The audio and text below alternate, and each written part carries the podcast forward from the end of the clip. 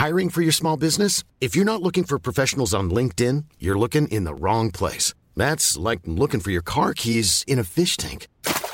LinkedIn helps you hire professionals you can't find anywhere else, even those who aren't actively searching for a new job but might be open to the perfect role. In a given month, over 70% of LinkedIn users don't even visit other leading job sites. So start looking in the right place. With LinkedIn, you can hire professionals like a professional. Post your free job on linkedin.com slash people today.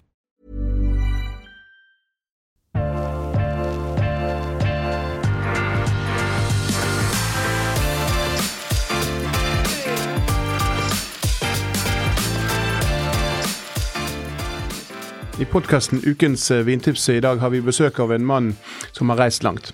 Han har eh, vært på besøk eh, siden onsdag i, i, denne uken. Han er nok sikkert litt reisetrøtt, men han har hatt mange fantastiske prestasjoner av sitt vinneri i, rundt omkring i Norge. Og nå er han på besøk i podkaststudier. Han er en eh, av de eh, vinmakerne som jeg syns eh, bemerker seg å levere bare bedre og bedre viner. Han kom inn med sine viner med enklere varianter, og i dag skal vi smake på hans to beste viner. Og eh, vi snakker om Justin Tyler Willits, som kommer fra Santa Barbara. Der er han født og oppvokst, eh, og nå er han på besøk i studio for å snakke litt om vin og den filosofien han har. Og eh, da går vi over på engelsk, siden han ikke snakker norsk. Welcome, Justin. It's nice to be present in the same room as you. Thank you. Thanks yeah. for having me. Yeah. So how have Norway been so far?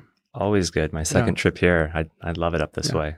So uh, Tyler, um, the first time it received uh, good reviews, um, it was of some of your entry wines who have, have a good reviews on the on the monopole shops, and the Tyler brand was building up slowly. When did this started? Tyler Winery started back in 2005. Hmm. Um, I was 24. I was just apprenticing in another winery and I uh, was encouraged to make a few barrels in the corner. Um, told that I would never learn faster than if I just put my dollars in the middle and really had to make the decisions for myself. Um, and and not thinking I was starting a winery, just made a little bit of hmm. wine, mm. and and those were the first Tyler wines. How, how do, do you remember the first contact with Norway? How, how it uh, started? I believe it started around In Pursuit of Balance, if you remember those tastings. Mm. Um, that was a, a, a, movement in wine founded by Raj Parr and Jasmine Hirsch, um, which I was like a, a an original member of. Hmm. Um, basically, the idea was how do we kind of challenge these these California ways of making wine, which tend to be pretty rich and ripe in style.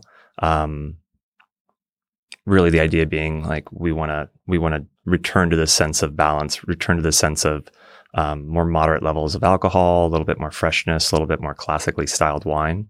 Um, so so as those tastings were happening around the world, um, I think the Norway market also um, kind of caught wind of those and, and, started asking for more and more of the wines through the monopoly to um, to come here. Because what you did it was not so common to the others. You come in with a very good price to the Norwegian market. So many ah, find ah that Chardonnay was not so expensive, and then uh, the taste was very good. I remember the first tasting; it was ah, ooh.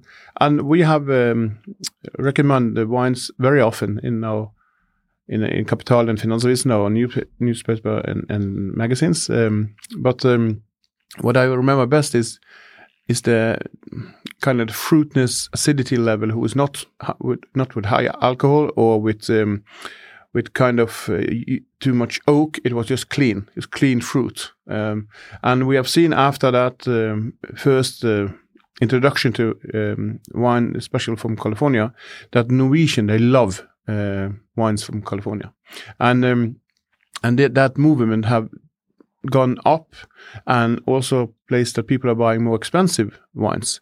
And um, if you're telling a little bit the background of of the the wines we have today, because uh, I have the, the the estate you have started in 2017 in, in the studio, and tell me about this project here, because for me this is a, as a project who is a little bit mm, uh, very exciting, who's coming to taste it's very good. It tastes fantastic today, but it had potential. So, yeah. so, so basically, the story of Mae is starts in 2014. Um, up until that point, I was uh, controlling more vineyard, but didn't own vineyards. So I would I would lease acreage and then control the farming and make the wine. And and then uh, my wife and I started talking about, well, I think it's probably time for us to be able to um, buy some land and, and, maybe plant a vineyard. And and so uh, I saw this property come for sale. Uh, Mandy, my wife, and I went and took a look at it. Um, but we didn't we didn't quite have it together financially yet to be able to to pull the trigger on the purchase and and so quickly it got snatched up and I drove past it for about 9 months and every time I would just kind of kick myself that I wasn't able to do it and um, then lo and behold it, it, it came back on the market and I was able to to acquire it and in 2015 and then I spent a few years just trying to understand the place, you know, making sure that the the ground was fallow and so that we could return it to a completely organic state, which it had always been just in in crops and in uh, agriculture. Um, so so really quite natural to begin with, but I wanted to take it even a step further and really make sure things were were sound before we planted. So um, from there and understanding the the soils, from digging pits and doing analysis, we then made our decisions to um, plant four different clones of Pinot Noir and four different selections of uh, Chardonnay um, over the, the, the 27 acres of of the vineyard there. Um, so planted in 2017. Um, my my then three year old son helped me help me plant the first vines and. How did he help too? Three years old. That's child work. It, I mean, did he just help to be? Oh yeah, or? he was just out there with, yeah. with his dad, just yeah. excited to, to participate and, and uh, get a little dirty. So, yeah, okay, yeah. okay. But uh, the the name are uh, um, kind of um, um, is your is your wife's middle name? Correct. Asked Tyler, and how big was that discussion? There wasn't much of a discussion. She she's always um, really let me lead with with the wine making and and and the winery itself. I mean, she looks at this as really my project. I try to I want her to really feel a part of this as well, though I started it before we were together. Um, so but I figure, is, but it's something true about is a is a nice woman behind every great man. Or, yes, I don't yes. know. I don't okay. know about great, but um, uh, but yeah, she uh, she's been wonderfully supportive through the years, and so I figured if my middle name is is the brand, then yeah. you know she should certainly have the the, the vineyard. Good, good, good here. Um, if you see to California today and looks when you started as a young man, what have changed from you started with Tyler as a young man and to, to today? Do you see because eh, for us who are here in Norway, as also in the wine channels, we taste a lot. We we follow. It have become new heroes uh, in the last 15 years. Yasmin Hirsch is one of them, uh, and many others uh, who have arrived Norway. They've done Norway as a, visitor place who's come, and the Norwegian love it. But still. Um, California wines are dominated by sales of one of the most crappy wines ever, the Falling Feathers. And this is bad, after my opinion. It's ruining the reputation of California as a, uh, as a brand because it's, it's so much more than just this awful wine. I, I hope you haven't tasted it, but if you haven't, I, I uh, please try it, uh, Justin. Uh, it's um, it's it's like a Concha y Toro on steroids. It's something like that. but but we're gonna leave that uh, that leaving falling feathers um, shit. But we're gonna go over to the quality because if you see to to the history of California wines, uh, many people ask me why is not California wine more uh, famous than Bordeaux and and Champagne and so on. Uh, and this story that uh, you have a time where you have non-alcohol sales, uh, it have been, you know, the famous French tasting was coming up. Uh, it's a long way to, the States. Uh, it have waking up with their own uh, point system. Be pocket time where the different kind of wines. And then in the beginning, maybe of the 2000, something happened and the lower alcohol and more fruity wine was more popular. Is that the correct view of the history of why it have not become the, the long history as um, French and other countries in, in Europe? Well, I think you know the history of wine obviously has been going on for for hundreds, thousands of years. Um, the history of California starts 100 or so years ago, 150 years maybe. But say in Santa Barbara, we only have 50 years of history growing grapes. So, so I think we're we're we're really just at the beginning of our journey as a wine producing region. But I think very quickly, um, as we're able to travel and share information more and more, whether we're in producing or in in the the consumer just enjoying wines, there's there's an ability to far faster today really experience wines produced around the world. And I think what we're seeing is that whether it's California or South Africa or wherever, there's there's beautiful wines made in a lot of places. It just um, France, Italy, Spain, mm. you know, uh, those are the standards. But the information goes a little bit faster. For sure. So, so you For are here sure. in Norway just a few years after you launch your brand in Norway.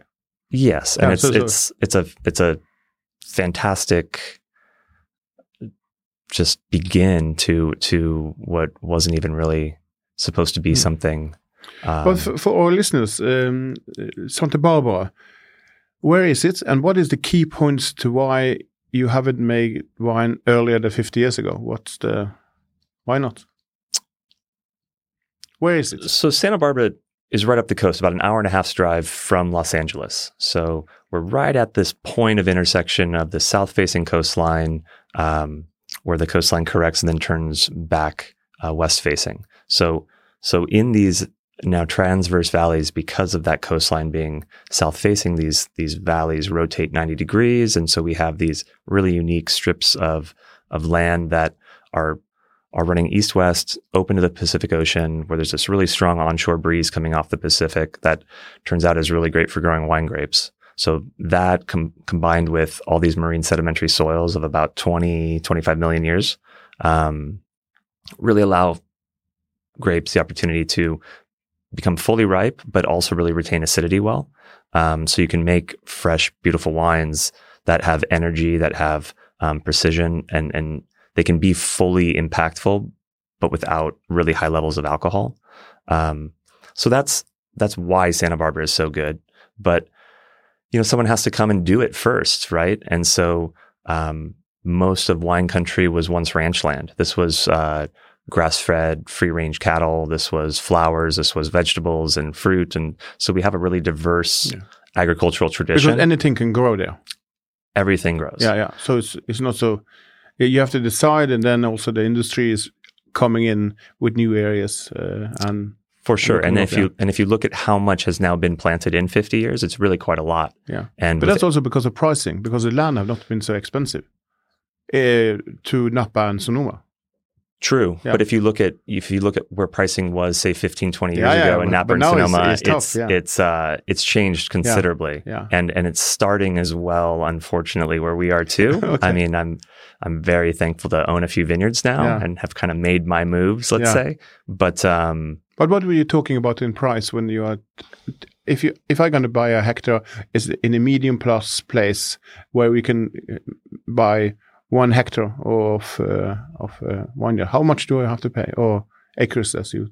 Yeah, I mean, probably for a really high quality acre of Santa Rita Hills Pinot Noir Chardonnay that's that's already planted, Mm. you're probably looking at eighty to hundred thousand US per Yeah. acre, something like that. It's money. Yeah. Yeah, But uh, how do you? Uh, are you planning to do more? Do you buy if you see something you like, or it have to be? The problem is, is I don't have, I don't come from a real wealthy family. I, I was a very blue collar, middle gonna win the class kid. um, my parents weren't in wine. Hmm. Um, so being able to being able to establish Mae, which is a 27 acre vineyard, we also um, with a with a few friends uh, acquired another vineyard called Fiddlesticks, Hmm. which is right across the street from the most iconic vineyard in the area called Sanford and Benedict. Hmm. So today I'm I actually have a uh, or control a pretty large surface area. Yeah. because the Fiddlesticks vineyard itself is about Hmm. 40 hectare. But c- could it be something positive that uh, um, th- that the, the price is going up, but uh, then also the investment have to be more secure? That so when you are making first starts of a movement, with, you better make a good wine who is premium range, so you don't produce lower quality. 100%. I'm not so fan of lower quality. So nor nor am I. Ah, good. Uh, you know, and and so I think Santa Barbara, generally speaking, um, the the level of quality is really quite high across the board. Hmm. There are more specific areas like the Santa Rita Hills, which is where I focus, um, that really are, I would say, world class. Hmm. Um, and those those are getting planted out quite quickly. Yeah. Um, it seems like every few years when they release a new vineyard map, you see you see this whole ribbon of of land that was once raw is now just getting More layered and filled in more Yeah. and more and more to to really I think outside of um, Burgundy or or Champagne, this is Mm. probably the most contiguous planting of Pinot Noir and Chardonnay anywhere in the world. Yeah. Okay. Because it there are more areas in the California district where you can plant wines. I mean, it have to be. Yeah, the the, Yeah. the beauty of California is is we don't have nearly the the regulation that Yeah. the the the European anything, countries have. yeah, yeah, but but but of course, uh, uh, quality. Uh, and I've also seen in the in the Californian or San Francisco wine bars, and the interest for wine is high. So you can't come with anything rubbish uh, into the market if you want to say it's it's, it's de- yeah it's decent. Um, at, at a minimum. And, you know, I think this is a, a, a really wonderful moment in time for California wine. I think whether you're interested in Italian varieties or Yeah. Mm. Pinot Noir and Chardonnay or Cabernet or whatever, I think, you know, there's, there's never been more really fantastic wines made in, Yeah. in, in all regions of California. But specifically for us, I mean, my focus has always been on trying to make these really, um, aspirational wines like the Mae wines we're checking out today, but, but to the Santa Barbara County wines that you were speaking about that that are at the Vinopoli uh, here, I mean, I really want to deliver value. I want to I want to tell the story of Santa Barbara, and, and the best way for me to do that is certainly with a more moderately priced wine that still is going to really over deliver for the category, or at least that's our intention. Is how do we make a wine that's um, that's fresh and vibrant, that's going to age really well, but but also be ready to go tonight if you if you choose to pull that cork. Um, that to me is really the the the line we're trying to uh, kind of thread. Know, And uh, with this, that words, we uh, have to go a little bit to the commercial. And Justin, Justin and me are coming back and having a taste of his two wines. Um, and uh, I assure you, it will be a, I think, very fantastic um, because he just recently started to talk about his lovely area, Santa Barbara, and uh, he smiles in the a lot. So it's going to be. We are back in a moment. Uh, that's, uh, then we are doing some commercial, um, and then we are coming back, and then we go to the wines, um, and then we're gonna have a. Uh, are there something you want to talk about um, when we are now talking about California and and uh, I'm thinking that the potential to talk about the export market and how important that is for you because Okay. you could sell only in in in the states if you want to. So it's, it's a, a decision to to do For uh, sure. to be in the market. So I think I'm going to go for that and that's and great. the world is is smaller. If everyone has to have some of your wines, you you have to decide which market you want to be in. For sure. Et av merkene Temtec nå fører, er franske La Sommelier. I denne serien finner du blant annet vinskapet E-Seller, som er det første smarttilkoblede vinskapet tilgjengelig på markedet. E-Seller er et praktfullt resultat av flere års utvikling mot perfeksjonisme. Estetisk tiltalende design med vakre finisher, det nyeste innen kjøleteknologi og nøyaktighet i hver minste detalj. Organiser vinsamlingen din i det smarte hyllesystemet utviklet for å romme et stort antall flaskeformater, opptil 9,5 cm i diameter. Bordeaux-flaskeformatet er ikke lenger normen, og med e-celler kan du lagre alle favorittflaskene dine uten unntak. Ved å koble vinskapet til mobilen din, registrerer skapet automatisk at du legger inn og fjerner vinflaskene dine, og oppdaterer det i en tilhørende app. Dette fantastiske vinskapet kjøper du på temtech.no. And then we are back from the commercial, and uh, in in the studio we have a visit of one of the greatest winemakers who have ever been in the studio, and we have some few. But he's a he's, he's a shy, a little bit. Uh, what should I said? Um, he's not so comfortable in the in the podcast studio, but he loves when he talk about Santa Barbara and his his uh, wines, and that's why he's here. And um, Justin, if uh, in front of us we have um, from Santa Rita Hills, uh, Santa Rita Hills, um, the Chardonnay and the Pinot Noir. And first of all, you have to have the explanation of why it's called STA dot Rita Hills in the in the in the in the label?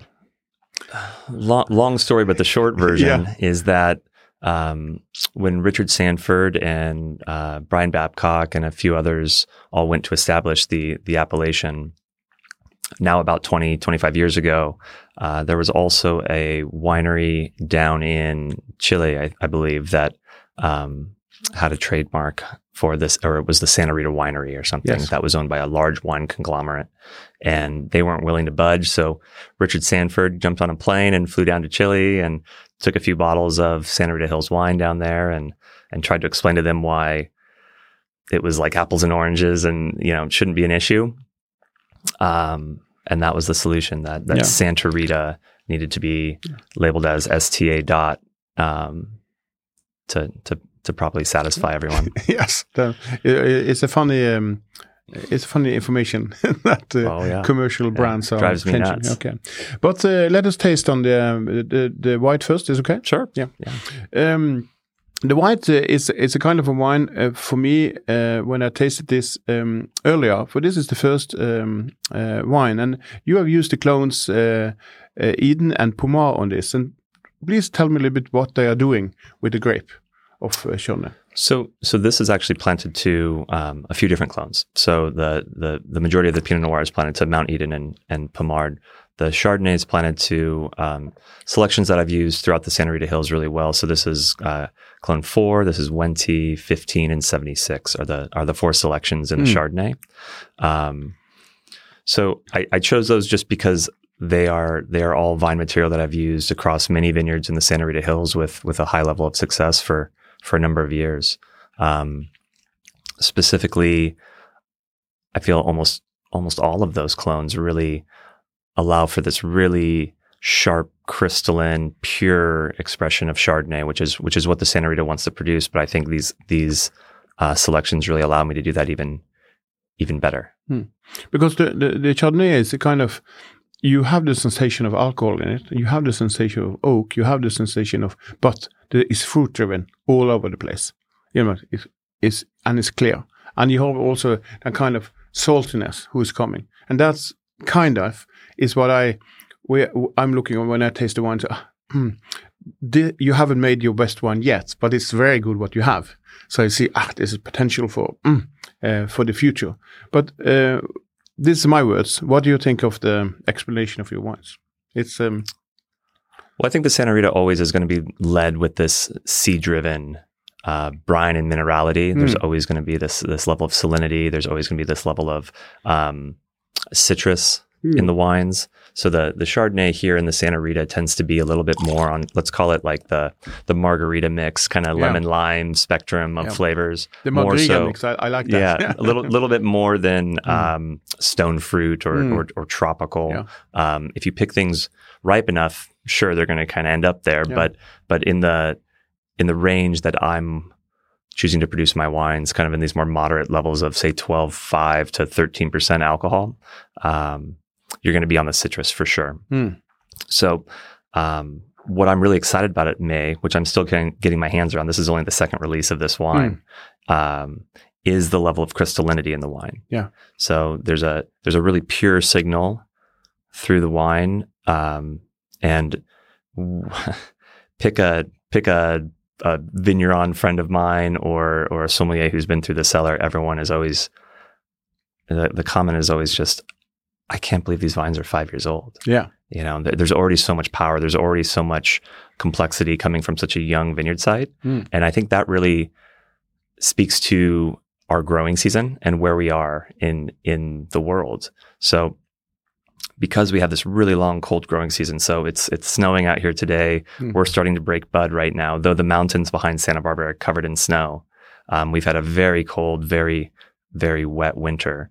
Um, but what comes with this place is a is a season that starts in say early to mid March, and we're not going to harvest until sometime in September. So it's a really extended growing season, and and because it's so cool and because it's so long, we really have fully ripe, fully developed fruit at again these lower levels of sugar, which in turn equal a more reasonable level of alcohol. And and having that more reasonable level of alcohol is going to allow us to have wines that are a little bit um, are going to sit a little bit more upright. They're going to Mm. be a little bit more um, precise because they have the acidic backbone and that level of minerality to really um, make you salivate, Mm. make you um, want that next glass, want that next sip.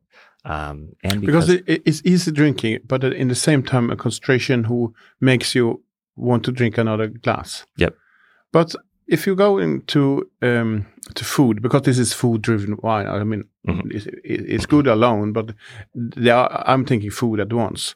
What is your favorite meal to your Chardonnay?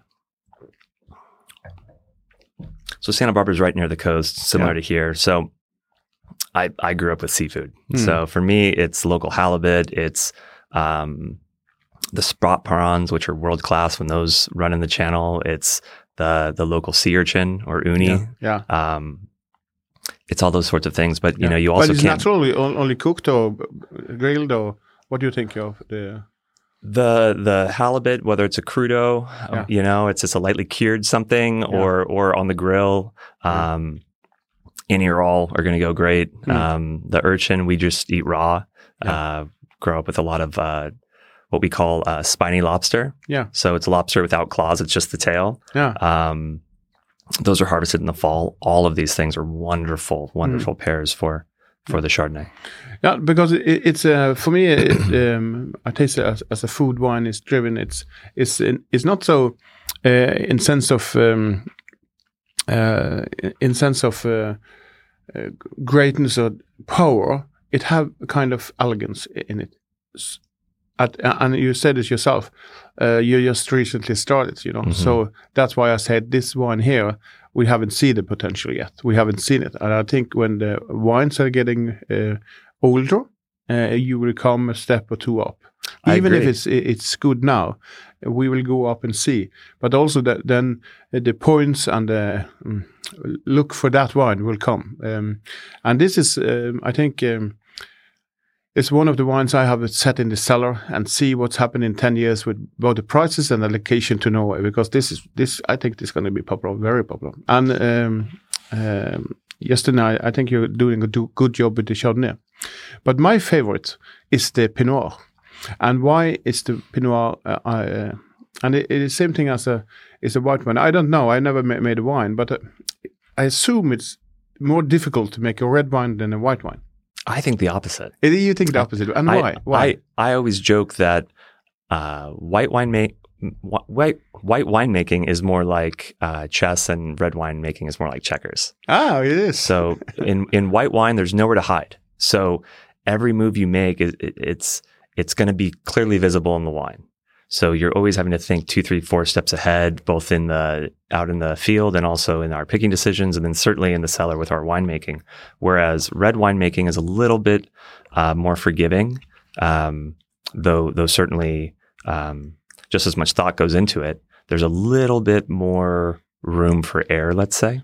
Um, but I mean, yeah, but but uh, but when you say okay, it's uh, if you do any mistake with wine, with the white wine, you are public, you know, mhm. at once. But the red wine are more okay, but it, it is slightly more difficult. But you can hide the faults if you want.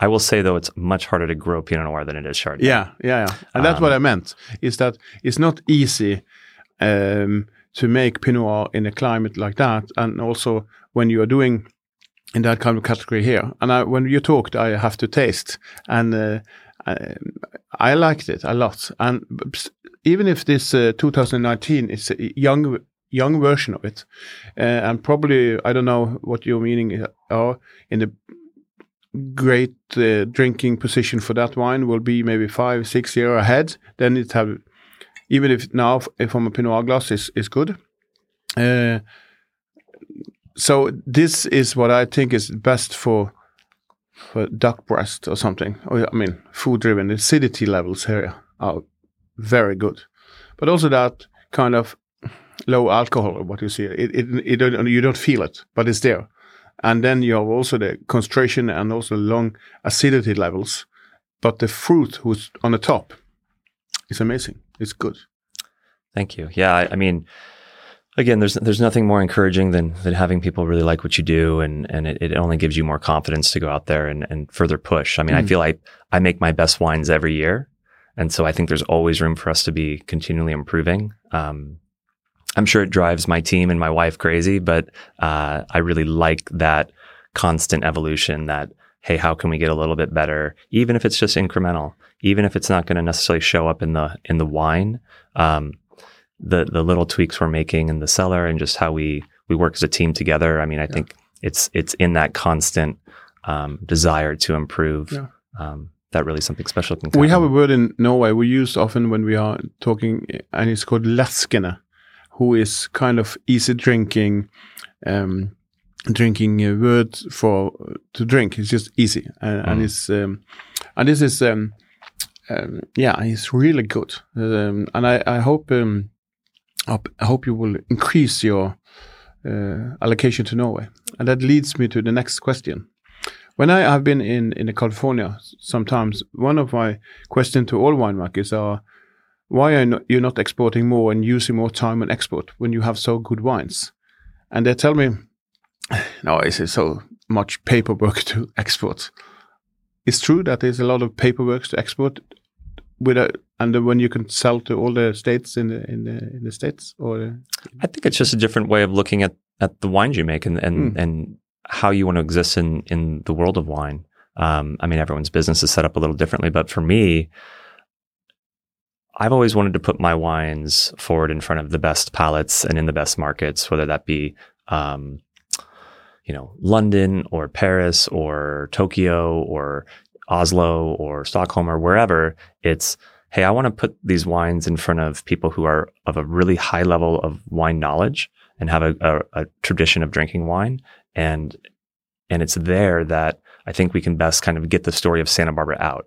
I mean, me selling all the wine back in California or just across the US is great, but it's it's amazing being able to travel around the Yeah. world and have your wine across all Mm. these all these fantastic places. how many countries do you export to today? Oh, probably close to 20. Yeah. Yeah. Not too many because it it need time to also to travel there. So it's um, like yeah, now, and you can't you can't go to all of them all the time. Yeah, I've got a lot of wine to make. I've Yeah. got I've got two little boys at home and, Yeah. and that and the vineyards and Yeah, but you and also need time alone, so you travel then. Okay. the the time on the plane where Yeah. I can just kind of do the mental Tetris and Yeah. kind of get my brain back straight um, is is uh, the mental Tetris on plane. That's good to hear you. Yeah, say. yeah. yeah. So, but uh, um, what are your thoughts about the future of um, this estate and what you're making um, of wine? Are you are you growing? Are you going to be there? Um, are you going to have more people employed? Are you? What's happening with the brand? What? Because you you are um, in, in Norway, the the Tyler brand have been a, become a um, have become become a name in the monopole. So so many monopole employed and many wine lovers they use it as a, a go-to wine um, because they know its quality. Just like Hirschi, just like yeah, but not like um, not like falling feathers. Um, I have no partners. I have no investors. Hmm. I've grown this as from a kid that was 24. I'm 42 now. Um, we don't work off of a pro forma. I've I've grown as I've had opportunities for um, something I feel is special. Um, and part of that growth also is, hey, I want to make enough wine where I can get it out around the world. I mean, as a as a kid from Santa Barbara, born and raised, right over the hill is this fantastic place to grow wine grapes. I really want to be a part of what gets that story out there around the world to really, really share these wines with the rest of the world. And so, so doing that is making um, more and more wine to be able to satisfy these markets. Unfortunately, Mae is only so big. Hmm. So, but as these vines mature and as they establish, you know, we should hopefully have a little bit more crop off of there. And so hopefully in Hmm. the future we can get a little bit more wine in From Norway. outside, you can see it very easily that you're just the beginning of a great future, and I know it because I taste many, many thousand wines a year. And when the when you heard you, you're coming to Norway, I called the importer and said, "I want to meet Justin," and uh, it's great to have you here in the studio. And um, I assure you, uh, you will come back in some years, maybe, and then you will see that the ratings uh, and the allocation is um, less than the rating is up, and the price is going up. Because this wine here today will be more expensive in the future for sure. And if you, if you buy it, um, there are some wines in the Norwegian market, and I will say to all the listeners, this is the one you should buy for sure. Justin, you have been, made a good work with these wines, and I'm so happy for you. Thank you. Thank you for having me.